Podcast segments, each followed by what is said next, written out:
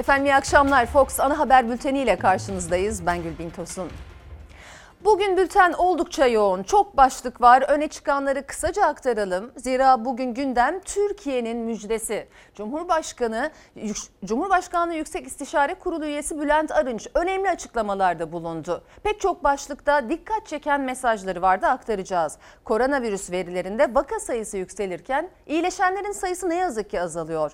Rusya, Çin, Almanya geliştirdikleri aşının faz 3 denemelerini Türkiye'de yapmayı talep ediyor. Peki neden? Ekonomiye dair pek çok başlık var tabii. Hepsini aktaracağız ama bugün saat 15'te tüm Türkiye adeta Cumhurbaşkanı'nın açıklamalarına kilitlendi. Erdoğan Türkiye tarihin en büyük doğalgaz keşfini Karadeniz'de gerçekleştirdi diyerek büyük merakla beklenen müjdeyi açıkladı. Peki bu keşif nasıl gerçekleşti? Enerji ve Tabi Kaynaklar Bakanı Dönmez gazın kalitesi yüksek aşağıda iki katman daha var inşallah oralarda da gaz kaynağına ulaşacağız dedi. Uzmanlara da sorduk hedefler ne kadar gerçekçi hepsini aktaracağız. Ülkemize hayırlı olsun diyelim ve önce Cumhurbaşkanı Erdoğan'ın açıklamalarıyla başlayalım. Sayın seyirciler Türkiye'ye enerjide tarihi bir kapı açıldı. Karadeniz'de Türkiye'nin yaklaşık 7 yıllık tüketimine denk gelen 320 milyar metreküplük doğal gaz rezervi keşfettiğini Cumhurbaşkanı Erdoğan duyurdu. İki gündür merakla beklenen müjde de böylece ortaya çıktı. Doğalgazın tüketiciyle buluşması için verilen tarih ise 2023. Türkiye tarihinin en büyük doğalgaz keşfini Karadeniz'de gerçekleştirdi.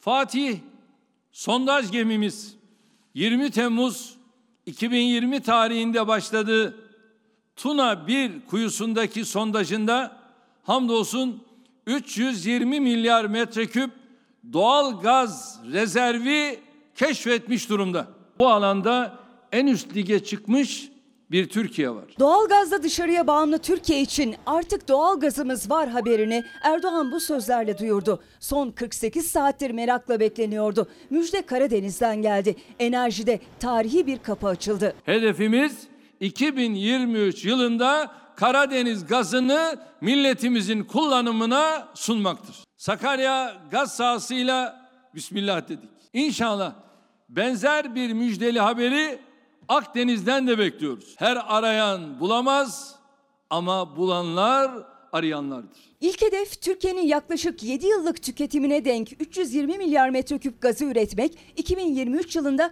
tüketiciyle buluşturmak ve artık Rusya, İran, Azerbaycan başta olmak üzere dışarıya doğal gaz için akan dövizin önüne geçmek. Ülkemizin enerji meselesini kökten çözmekte kararlıyız. Cari açığımızın en büyük sebebi de hep enerji olmuştur hala enerjide ciddi bir ithalatçı durumundayız. Cari açığımızın ana sebebi bu değil mi? Enerjide net ihracatçı konumuna gelene kadar bize durmak, dinlenmek yok.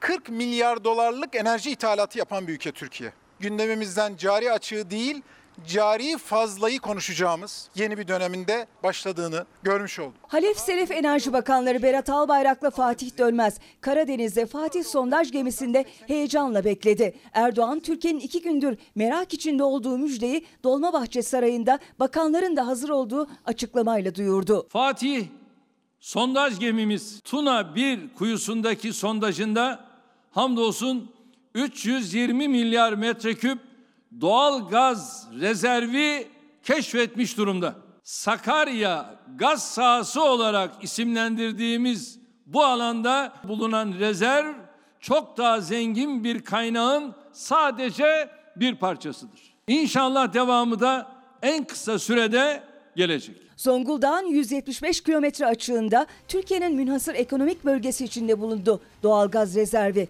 Erdoğan 2017'den sonra sismik sondaj çalışmalarında yerli ve milli kaynaklara yöneldik ve sonuç aldık dedi. Öyle ülkelerle çalıştık ki netice alamayıp dönüp gidenler. Yüzlerce milyon dolarlık arama faaliyetleri sonunda elimize 3-5 sayfalık bir rapor dışında hiçbir şey geçmedi. Kimsenin günahını almıyoruz. Belki de gerçekten aradılar ama bulamadılar. Bu alanda en üst lige çıkmış bir Türkiye var. Türkiye yılda 50 milyar metreküpe yakın doğal gaz tüketiyor. Bunun 15 milyarı konutlarda kullanılıyor. Şimdi gözler 320 milyar metreküplük doğal gaz rezervi ile birlikte 2023'te yerli doğal gazla buluşacak evlerde ve faturalarda. Türkiye'yi heyecanlandıran 320 milyar metreküplük doğalgaz rezervi ne anlama geliyor? Kalitesi nasıl? Rezervin bulunduğu bölgenin özellikleri yeni rezervlerin müjdecisi mi yoksa sevincimiz 320 milyar metreküplük rezervle mi sınırlı kalacak? Doğalgazın üretiminden tüketimine uzanan zincirde ortaya konan rakamlar ve hedefler ne kadar gerçekçi? İşte uzmanların yorumları.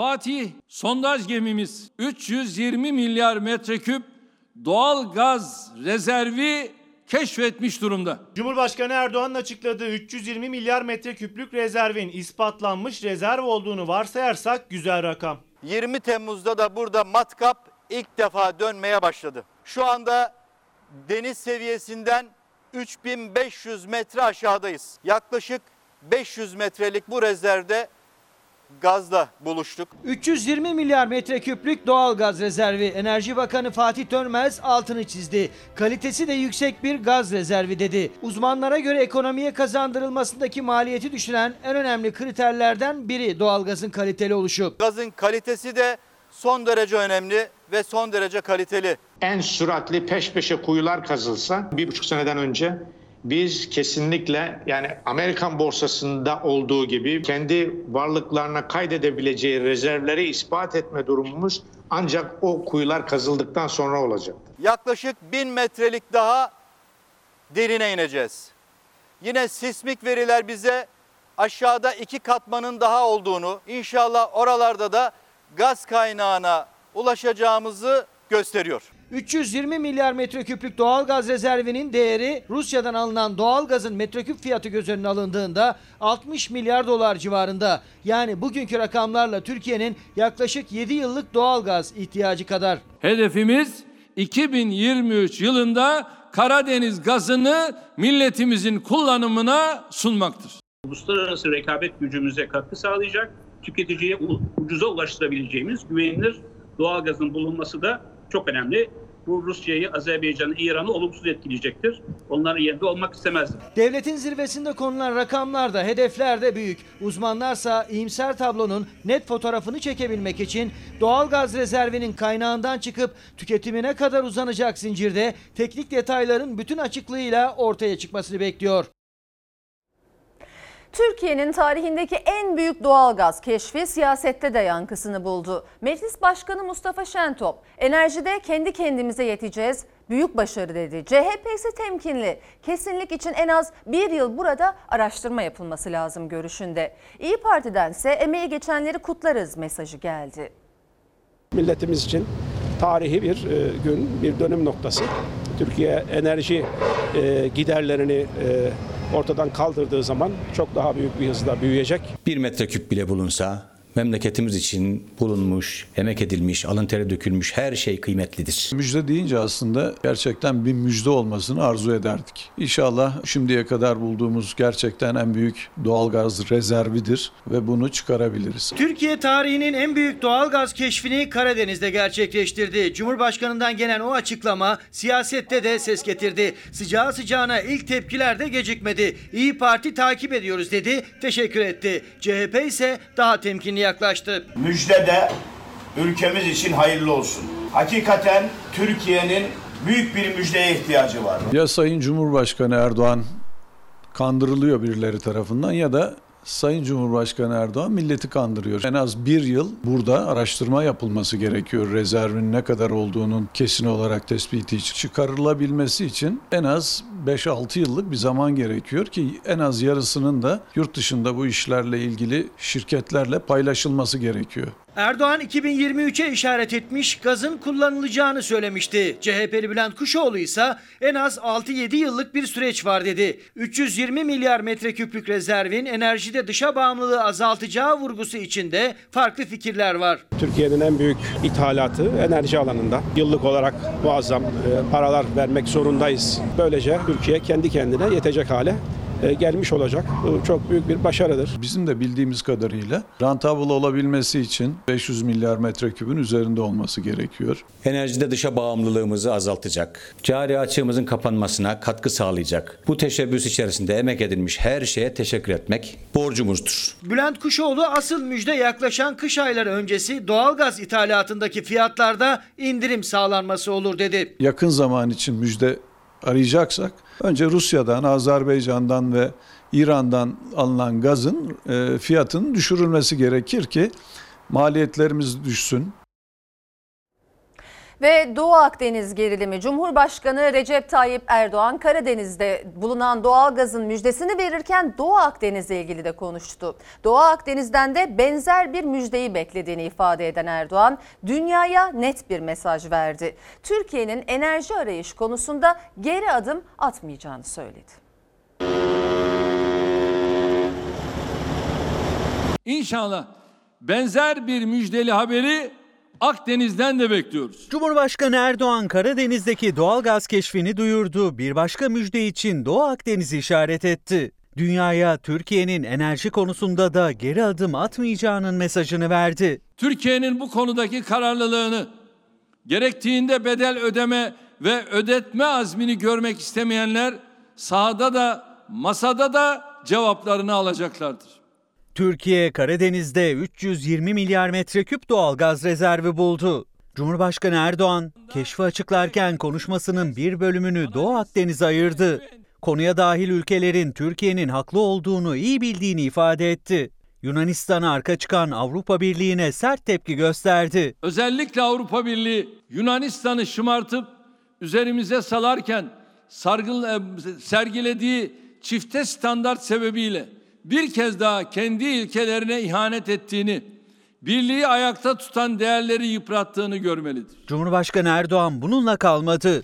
Sözü Yunanistan'ın Doğu Akdeniz'de kendi tezlerini savunmak için Avrupa Birliği'ne sunduğu geçersiz seviye haritasını getirdi. Ortada dolaşan ve hiçbir geçerliliği olmayan saçma sapan haritaların yarın öbür gün en büyük zararı Avrupa Birliği'ne vereceği unutulmamalıdır. Doğu Akdeniz gerilimi Almanya ve Fransa liderlerinin de gündemindeydi. Fransa'da bir araya gelen ikili tansiyonu düşürme çağrısını yineledi.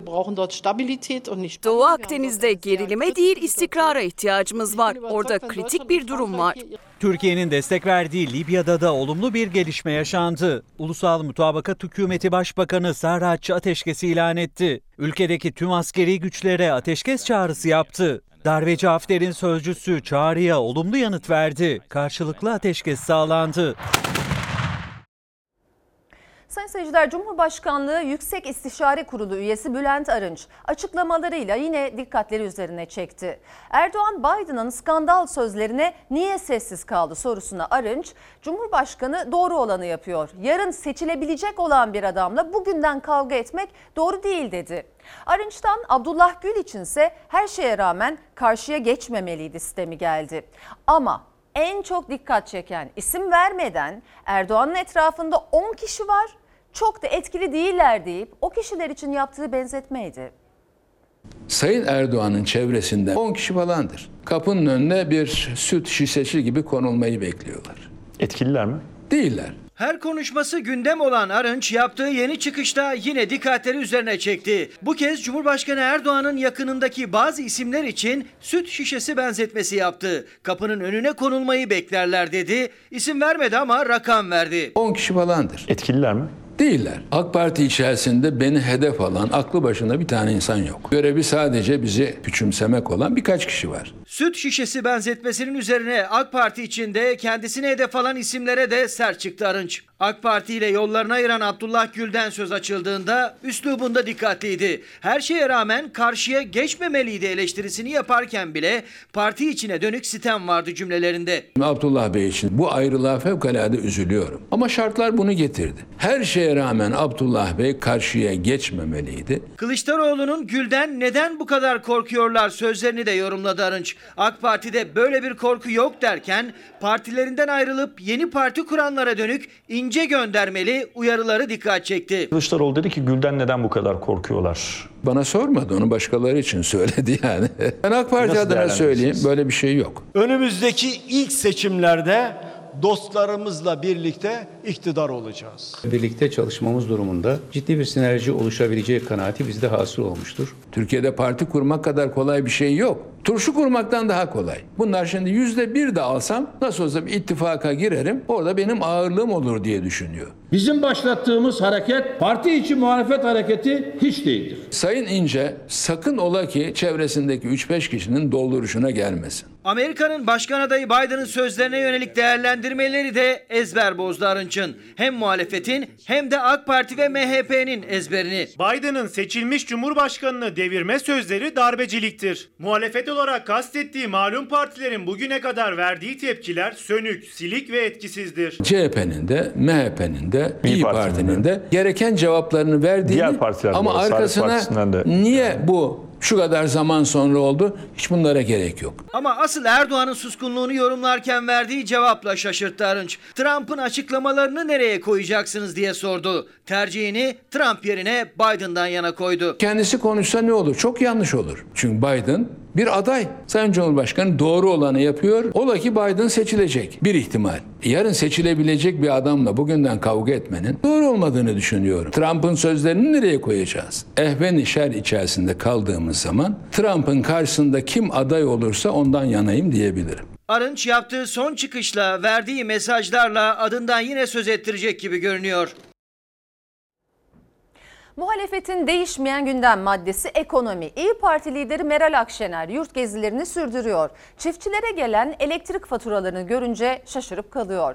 Akşener sonunda kahrolsun kapitalizm dedi. Muhalefetin gündemindeki bir diğer başlıksa sabit tutulan faiz oranları. 44 bin tarım başlamada.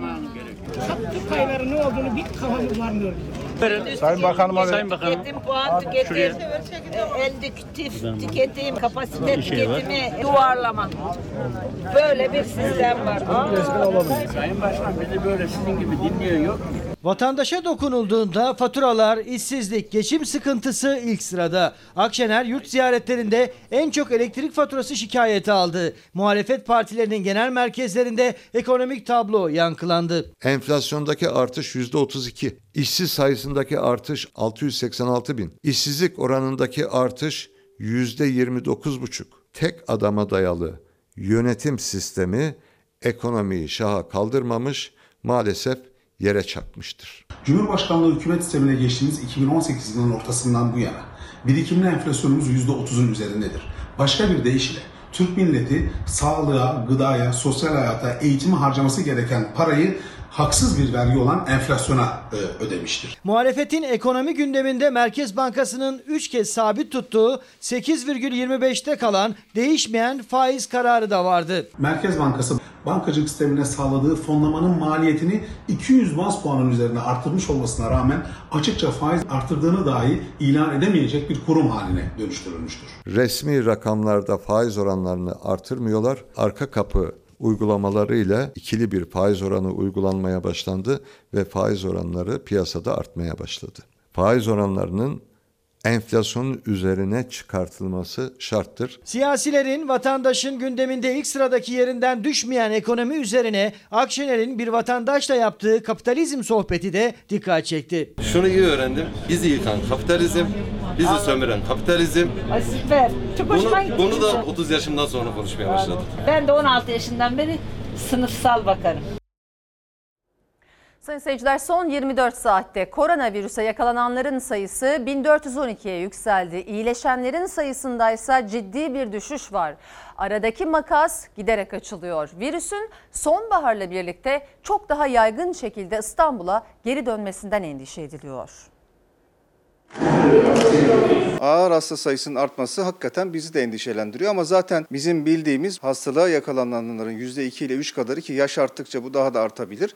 Bunlarda ağır hasta olma ihtimali çok daha yüksek. Endişeleri arttıran ağır hasta sayısı son tabloda yine yükseldi. 719'dan 735'e çıktı. Zaten vaka sayısında da ciddi bir artış var. Günlük hasta sayısı 1412. İyileşenlerse önceki günlere göre azaldı. Binin çok altına indi. Şu anda hasta sayısı arttığı için 10 gün kadar sonra bu kişiler iyileşecekler ve 10 gün sonra o iyileşen sayısında da tekrar bir artış göreceğiz. Şu anda iyileşen sayısında bir azalma oldu diye bir karamsarlığa kapılmaya gerek yok. İstanbul Tıp Fakültesi Dekanı Profesör Doktor Tufan Tükek yeni hasta sayısıyla iyileşenlerin sayısı arasında açılan makas için karamsarlığa yer yok dedi. Onu asıl endişelendirense Anadolu'da artan vaka sayısı. Hatta salgının merkezi İstanbul'dan diğer illere kayan virüsün çok daha yaygın bir şekilde İstanbul'a geri dönmesinden endişe ediyor. Şu anda da bizim Mart-Nisan ayında İstanbul'da yaşadığımız tablonun bir benzerini Anadolu yaşıyor. Yaz nedeniyle oraya gidenlerin yaratmış olduğu bir ortam nedeniyle bu koronavirüs çok rahat yayıldı. Bu insanların bir kısmı artık İstanbul'a ve büyük şehirlere geri döndüğünde İstanbul'da olaya tekrar katılacak ve maalesef bu rakamları biz 2000, 2000'in üzerini göreceğiz e, Eylül ayı gibi. Onun zaten bilincin içerisindeyiz ve planlamalarımızı ona göre yaptık. 3 Ağustos'ta 41 bin olan günlük test sayımız 92 binin üzerinde. Filyasyon ekibi sayımız 9344'e ulaştı. Temaslılara ulaşma oranımız %98,9. Daha da fazla büyümeden salgını kontrol altına almak adına günlük test sayısının en az 100 bine çıkarılacağını söylemişti Sağlık Bakanı. 92.301'e ulaştı testler. İstanbul Tıp Fakültesine başvuranların sayısı da yüksek. Yoğun bakımda doluluk oranı şimdilik %40. Sonbahara hazırlıksa hız kesmiyor. Çap olarak ve buradaki diğer üniversite hastane olarak da biz istediğimiz anda istediğimiz yatak kapasitesine ulaşabilip COVID'e ayırabilecek durumdayız. Ayırdığımız yatak sayısı işte 100 civarında ancak hızla 500-600'e de çıkartabilme imkanımız var.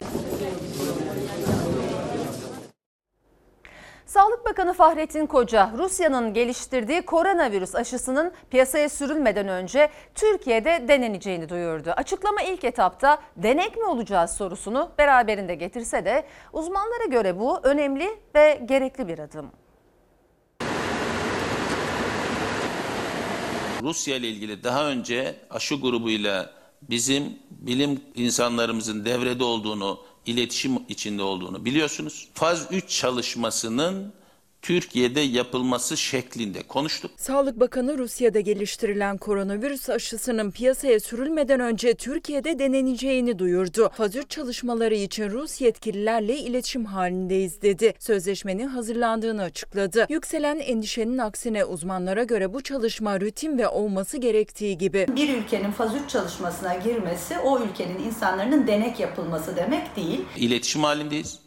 En son bununla ilgili bir sözleşme taslağı da hazırlandı. Faz 3 çalışmalarını yayılımın çok olduğu ülkelerde yapmak zorunluluğu var. Virüsün insanların %50'sinde hastalık yapmayacağını biz faz 3 çalışmalarında e, plasebo koluna göre görmemiz gerekiyor. Enfeksiyon hastalıkları uzmanı Profesör Doktor Esin Davutoğlu Şenol'a göre Türkiye'nin seçilmesinin sebebi vaka sayılarındaki hızlı artış. Aşının işe yarayıp yaramadığının anlaşılması için salgının yaygın olduğu ülkeler tercih ediliyor. %50'sinde işe yararsa bir sonraki faza geçiliyor.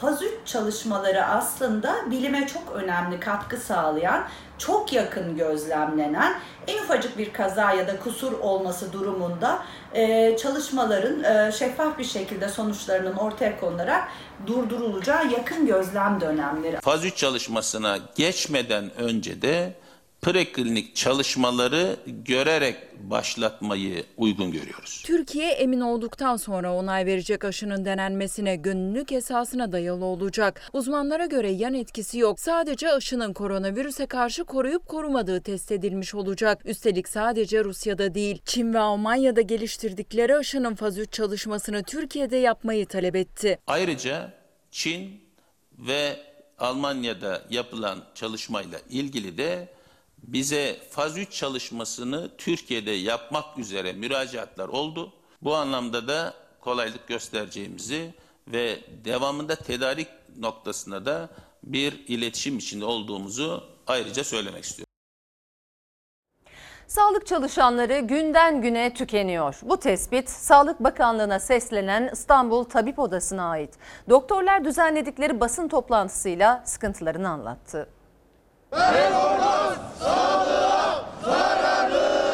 Pandemi giderek artarak ülkemizde yayılmasını sürdürüyor. Bu da tabii ki sağlık çalışanlarında ciddi bir tükenmişliğe hekimlerde yol açmakta. Sağlık Bakanlığı'nı bu konuda tedbir almaya e, davet ediyoruz. Hemen her gün onlarca meslektaşımızın hastalık haberini alıyoruz. Talebimiz hekimlerin ve sağlık çalışanlarının içinde bulunduğu boğucu ortamın görülmesi ve artık nefes alamayacak hale gelip tükendiklerinin farkına varılabilmesidir. Enerjisi de sabrı da tükeniyor sağlık çalışanlarının. Ne maddi ne de manevi aradıklarını bulabiliyorlar. İstanbul Tabip Odası da Sağlık Bakanlığı'na seslendi. Çok geç olmadan önlem alın dedi doktorlar. Yaşı daha hekimlik yapmaya izin verirken süresini dolduran arkadaşlarımız emekli oluyorlar ve birçok genç meslektaşımız da yurt dışına gitmek için bizden İstanbul Tabip Odası'ndan belge isteme oranlarında artış başladı. Yani ülkemizde şu anda deneyimli hekim sayısında giderek bir azalma söz konusu olacaktır. Salgın boyunca birçok sağlık çalışanı evinden, ailesinden, çocuklarından uzak kaldı. Virüse yakalananlar, hayatını kaybedenler oldu ve olmaya da devam ediyor. Sağlık Bakanı Fahrettin Koca bir kez daha ek ödeme sözü verdi ama sözlerin şartlı verilmesi, daha önce de ödemelerin adaletsiz yapılması sağlık çalışanlarını düşündürüyor. Covid'li hastalarla ilgili poliklinik olsun, servis olsun, yoğun bakım ve benzeri e, yoğun ilgilenen branş veya branş dışı hekimler ve sağlık çalışanları. Covid hastası bakmasalar bile gelen giden hasta nedeniyle maruz kalıyorlar. Bu nedenle maaşlarının insanca yetecek düzeyde arttırılmasını ve emekliliğe yansımasını istiyoruz. Ve artık performans sistemiyle çalışma sistemine de bir şekilde son verilmesi lazım. İstanbul Tabip Odası Başkanı Profesör Doktor Pınar Sahip aile hekimlerine de ayrı başlık açtı. Aile hekimlerimizin bir takım takviyelerinin koruyucu ekipmanlarının devlet tarafından sağlanması, ortamlarının daha sıhhi bir duruma geçirilmesi ve yardımcı destek eleman desteğinin de sağlanmasını istiyoruz. Doktorlar yalnızca yaşadıkları zorlukları değil, koronavirüs hastalarının sıkıntılarını da anlattı. Salgınla mücadeledeki eksikliklere dikkat çektiler. Önce Covid tanısı konulan bütün hastalar yatırılırken şu anda sadece ağır pneumonisi olan yani ağır zatürresi olan hastalar yatırılır dendi. Bu yüzden özellikle Anadolu'da hastalar hastane hastane gezip test yaptırmak, işte ilaç almak aslında tam tedavi edici bir ilacı da yok bu hastalığın ama hastayı, hasta kendisini güvende hissetmek için bir yerde takip edilmek istiyor. Bu hastalar yatacakları yerler de yok. Birçok kişi Covid tanısı almış kişiye evinize gidin kendinizi izole edin deniyor. Bilim insanları her yıl özellikle sonbahar döneminde risk altındaki kişilerin grip aşısı olmasını öneriyor. Ancak CHP'nin eczacı vekili Gamze Taşçıyer'e göre aşı krizi kapıda. İddiasına göre Sağlık Bakanlığı grip aşısını satın aldığı firmaya Şubat ayında aşı artırma talebinde bulunmadığı için firma geçen yılki aşı miktarı kadar yani 1,5 milyon doz aşı satacak. CHP'li vekil 65 yaş üzeri ve kronik hastalığı olanların sayısı 20 ila 40 milyon dedi. Türkiye'nin aşı ihtiyacının yüksek olacağına dikkat çekti. Eczacılar da daha aşı dönemi başlamadan aşı rezervasyonu yapanların listesini tutmaya başladı. İki gün önce Dünya Sağlık Örgütü grip aşısının pandemi döneminde önemini vurgulayınca toplumda bir panik havası da oluştu. Şu anda eczanelere insanlar isim yazdırıyorlar aşı geldiğinde öncelik e, alma açısından. Ben de ondan korkuyorum onun için özellikle geldim grip aşısı için. Aslında bir vakit var e, hazırlık olsun diye. Rezervasyon. Bu yıla özel aşının daha fazla tüketileceğini biliyoruz. Bunun için de bu yıl yetecek kadar aşıyı temin etme noktasına da yoğun bir gayret içinde olduğumuzu söylemek istiyorum. Yapılan bu öngörüsüz ilaç politikasının bedelini bir anlamda vatandaş ödeyecek. CHP'nin eczacı vekili Gamze Taşçıyer'e göre pandemi nedeniyle tüm dünyada talep artışı beklenen grip aşısında krizle karşı karşıya kalabilir Türkiye. Nedeni ise Sağlık Bakanlığı'nın aşıları satın aldığı şirkete Şubat ayında talep artırımı yapmadığı iddiası. İlaç firması 2020'nin Şubat ayında bakanlığa şu soruyu soruyor. 2021 dönemi için ne kadar bir aşı talebiniz var? Ancak bakanlık bildirmediği için doğal olarak firma bir önceki yılı baz alıyor. Geçen sene 1 ila 1,5 milyon bir grip aşısı piyasaya verildi. Büyük bir endişe içindeyiz. Çünkü aşıları geçen yıl tamamlayamadık, veremedik. E bu sene de Çok büyük bir talep var. Nasıl olacak anlamak mümkün değil. Şu an aşı dönemi olmadığı halde bakın eczanelerde aşı talep listeleri oluşmaya başladı. Şu anda bu önümde görmüş olduğunuz iki kağıtta iki gün içerisinde 40 kişi isim yazdırdı üstelik. Her ismin karşılığında üçer beşer tane de talep var. Başka ilçelerden de aranıyor, illerden aranıyoruz. Aşı bulur musunuz, gelelim olalım diyenler bile var. Kaçıncı sırada hanımefendi? 35. sırada. Yazın ismimizi bize haber verin sıraya girelim diyorlar.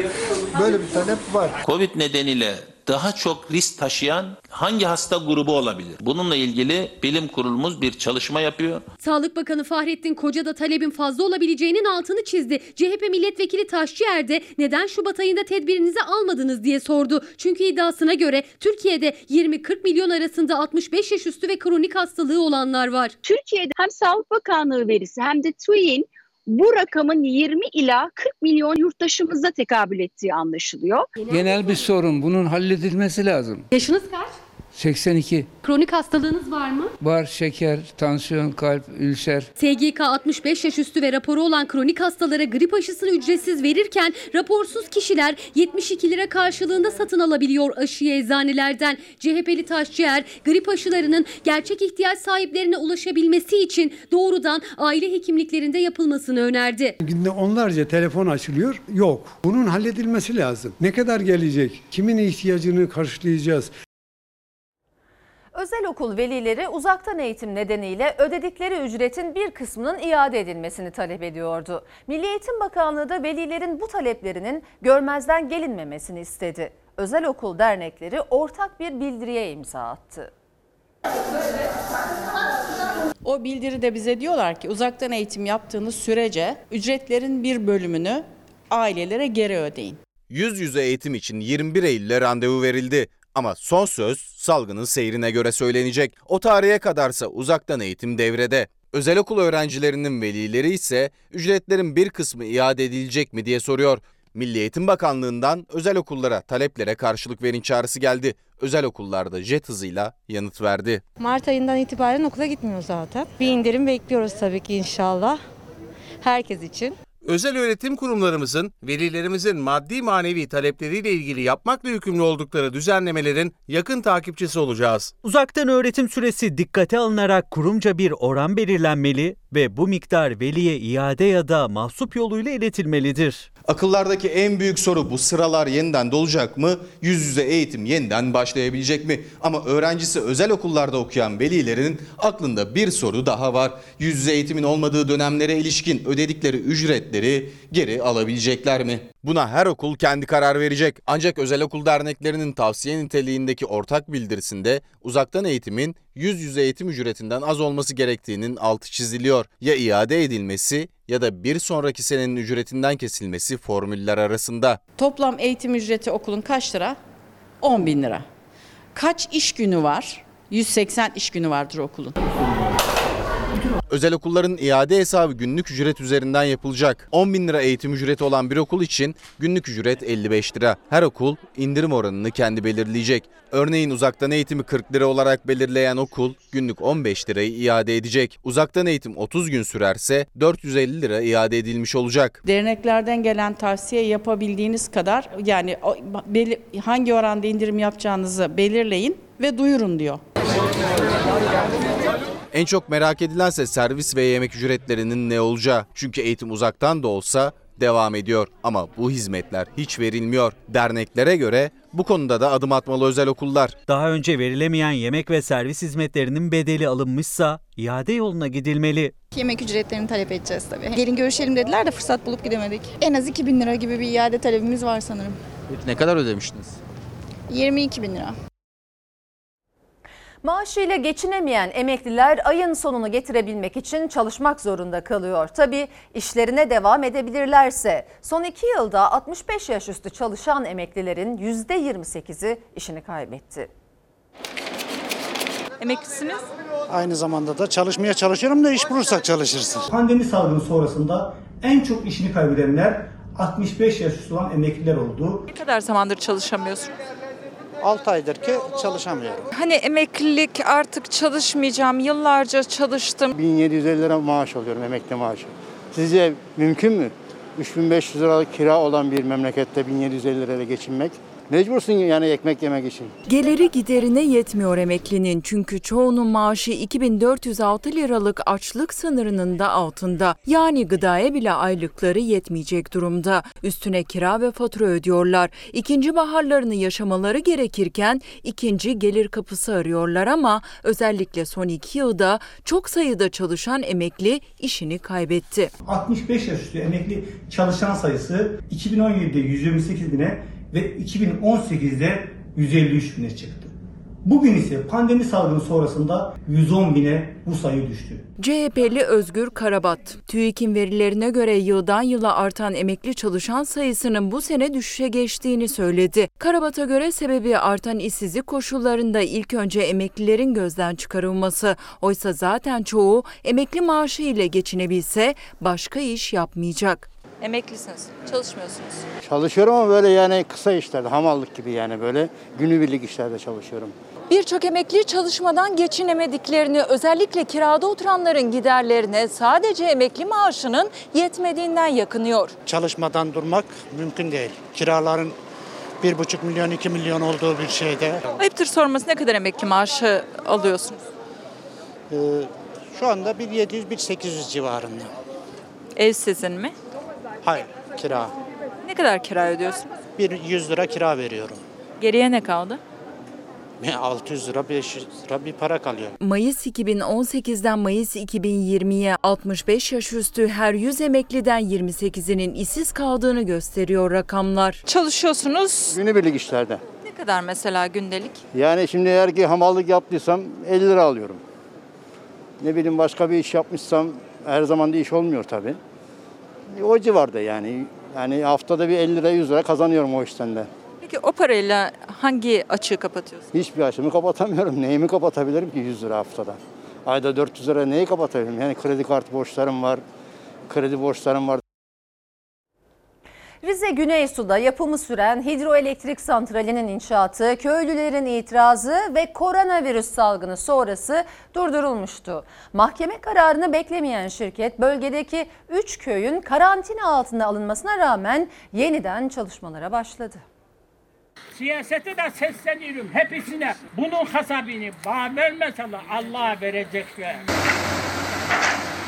Ne hukuk dinlediler ne de salgın. Köylerin karantinaya alınması bile iş makinelerinin çalışmasını engelleyemedi. Rize Güneysu'da köylüler HES inşaatının kaldığı yerden devam etmesine tepki gösterdi. Covid-19 nedeniyle Güneysu Cücem köyü karantina altına alındı.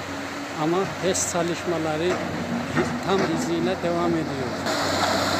Bütün yasakları hiçe sayarak çalışmaya devam ettiler. Biz adaleti bekliyorken şirket adaleti beklemedi maalesef. 2019 yılında Cumhurbaşkanı Erdoğan'ın memleketi Rize Güneysu'da Gürgen Deresi üzerinde yol yapım çalışması yapılacağı söylendi. Ancak aslında başlayan hidroelektrik santrali inşaatıydı. Köylüler itiraz etti. Seslerini Fox Haber ekrana taşıdıktan sonra Cumhurbaşkanlığı İletişim Merkezi inşaata ceza geldiğini duyurdu. Gerekçesi gerekli izinler alınmadan inşaata başlanmasıydı.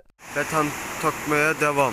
Cimer yasal izin alınana kadar durdurulmalı dedi ama çalışma 3 gün aradan sonra yeniden başladı. Gürgen köylüleri bu kez Rize İdare Mahkemesi'nde yürütmenin durdurulması için dava açtı. Araya koronavirüs salgını girince süreç aksadı. Mahkemenin vereceği karar beklenirken artan koronavirüs vakaları nedeniyle Güneysu'daki 3 köy karantinaya alındı. Covid-19 nedeniyle Güneysu Cücem köyü karantina altına alındı.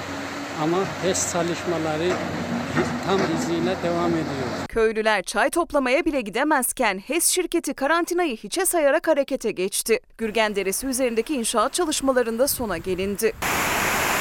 Bizim tek talebimiz bir an önce hukukun tecelli etmesi ve bu talanın, bu yağmanın bir an önce durdurulmasıdır. Köylüler HES inşaatının devam ettiğini ispatlamak için o anları cep telefonlarıyla kaydetti. Bir yandan da kaymakamlığa itirazda bulundular. Şirketin karantinaya rağmen kaymakamlığın özel izniyle çalıştığı yanıtını aldılar. Köylü olarak sadece kendi başımıza burada kalmışız. HES'çilerin şeyine buraya peşkeş çektiler. SMA hastaları aylardır ilaçlarına ulaşamıyordu. Bakanlık tarafından o sorunun çözüldüğü duyuruldu ama bu kez başka sorular gündeme geldi. Hastalar yetkililerden yanıt bekliyor. SMA hastalarımızla ilgili Sayın Bakanımız da açıklama yaptı. Tip 1, tip 2, tip 3 ile ilgili ilaca erişimle hiçbir sorun yaşanmayacak. Son 6 aydır ilacı alamadığımız için tip 1 hastaları bambaşka kayıplar yaşadı. Parmağını oynatmaktan bahsedelim minimum kayıp. E, tip 2, tip 3 hastaları ise bambaşka kayıplar yaşadı. Fizik tedavi testine nasıl gireceğiz?